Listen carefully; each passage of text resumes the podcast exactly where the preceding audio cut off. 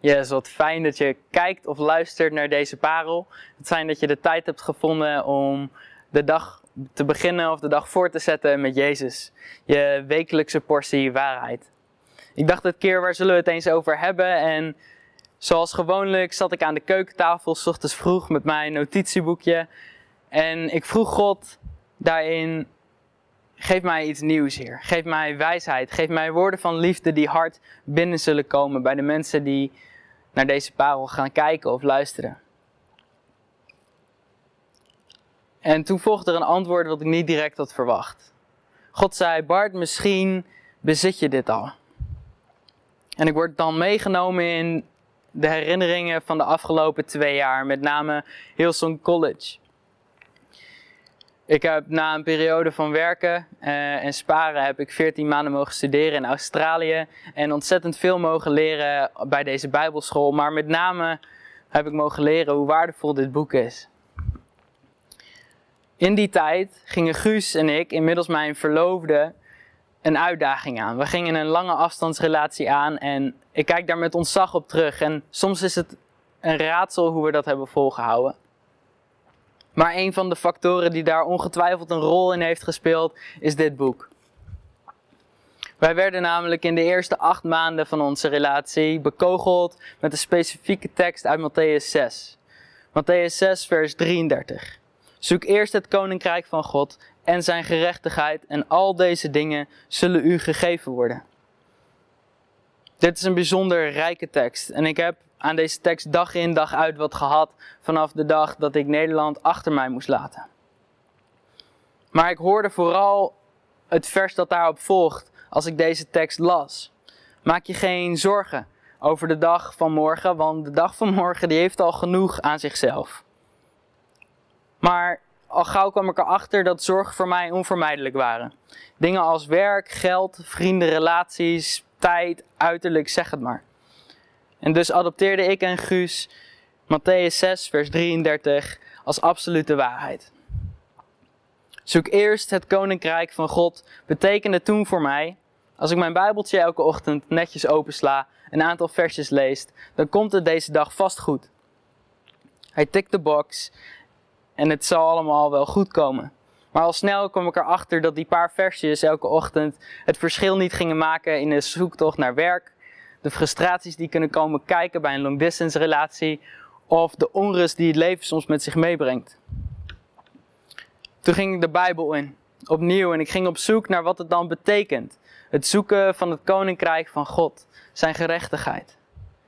En ik ontdekte dat het woord zoeken wat hier gebruikt wordt een hartstochtelijke manier van zoeken is. Een manier van zoeken waarop je alles wilt weten, tot op de bodem wil begrijpen wat het koninkrijk van God dan is.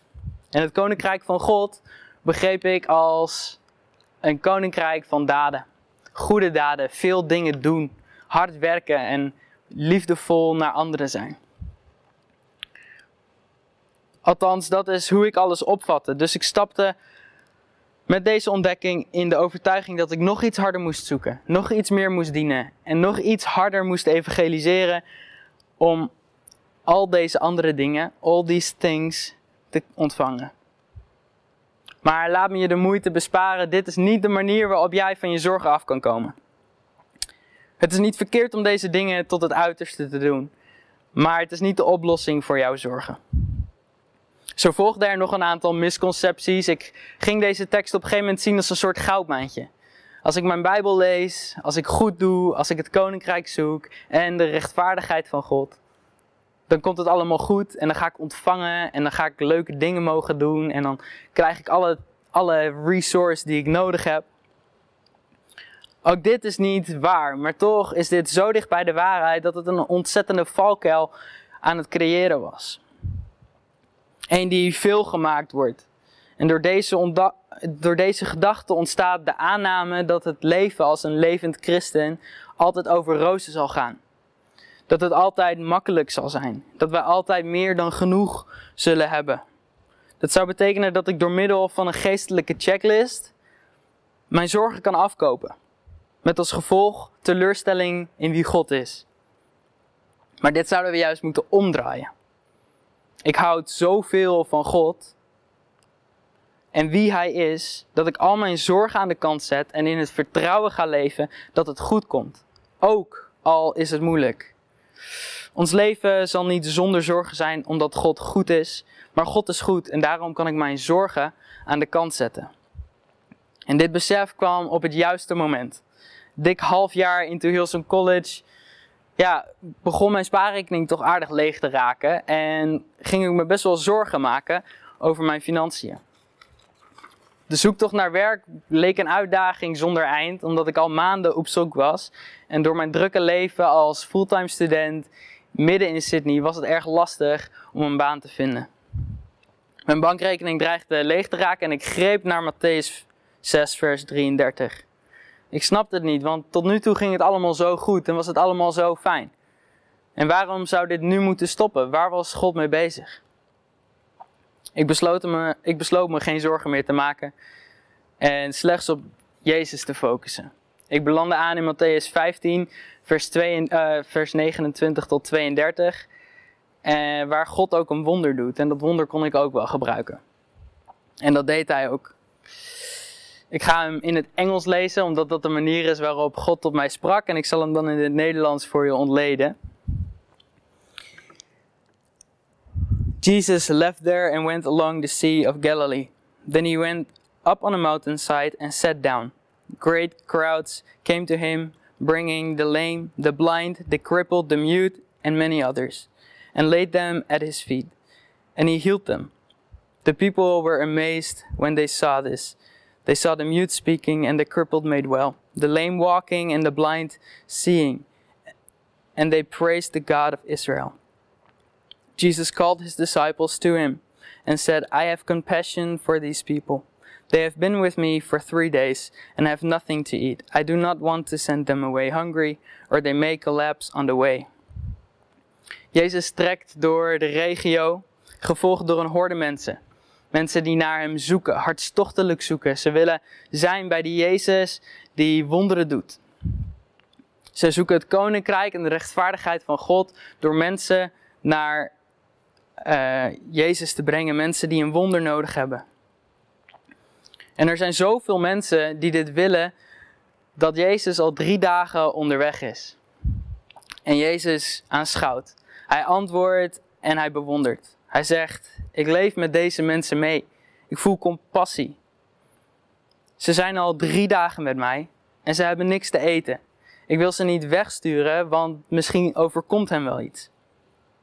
En dan volgt er een wonder waar ik mijn hoofd ontzettend over heb gebroken, omdat ik het anders las dan al die andere keren. Jezus krijgt een paar broodjes en een paar kleine visjes. Hij kijkt naar de hemel en hij dankt de Vader. Hij dankt de Vader. Hij kijkt naar een groep mensen van 4000 mannen. Laten we een rekensommetje maken. Pin me er niet op vast dat deze nummers kloppen. Maar 4000 mannen, ieder één vrouw, dat maakt 8000. Ieder twee kinderen, dat maakt zo'n 16.000 mensen. 16.000 mensen, één zakje bolletjes en een blikje sardientjes. En God, Jezus kijkt naar de Vader, naar de hemel en hij dankt de Vader. Hier werd voor mij alles duidelijk. De zorgen die ik had, die waren niet nodig. Niet omdat alles altijd makkelijk zou zijn, maar omdat Jezus altijd ingrijpt op het juiste moment, op het moment dat ik het het meest nodig heb. Deze mensen, ze hadden trek, ze hadden honger.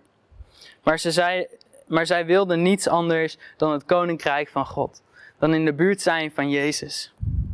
De vraag, hoe zullen we dat even doen met eten? die viel niet één keer in die drie dagen. De menigte die achter Jezus aantrok, die wilde niets anders dan rechtvaardigheid en het koninkrijk van God.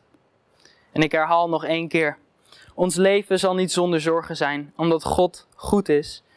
Maar God is goed en daarom zal ik mijn zorgen aan de kant kunnen zetten. Een leven met Jezus is dus niet altijd makkelijk, maar het is het o zo waard. Een leven zonder Jezus is nog veel minder makkelijk. En misschien hoor jij deze woorden voor het eerst. De woorden van Jezus. Of doen ze voor het eerst iets met je. Dan wil ik je gewoon van harte welkom heten in deze familie. En dan wil ik je uitdagen om te zoeken. Maar ook voor de mensen die luisteren. En die dit al wel kennen. Die Jezus al wel hebben aangenomen in hun leven, maar het gevoel hebben dat ze een soort van stilstaan of nooit dichterbij komen. Dan wil ik je uitdagen om te zoeken. Zoeken ook al is het lastig. Zoeken ook al kost het je tijd. Zoeken ook al uh, heb je alles al geprobeerd. Blijf zoeken. Ga uit je comfortzone. Ga zoeken tegen alle ongemakkelijke, ongemakkelijkheden in. En je zal vinden. Amen. Heb een fijne dag.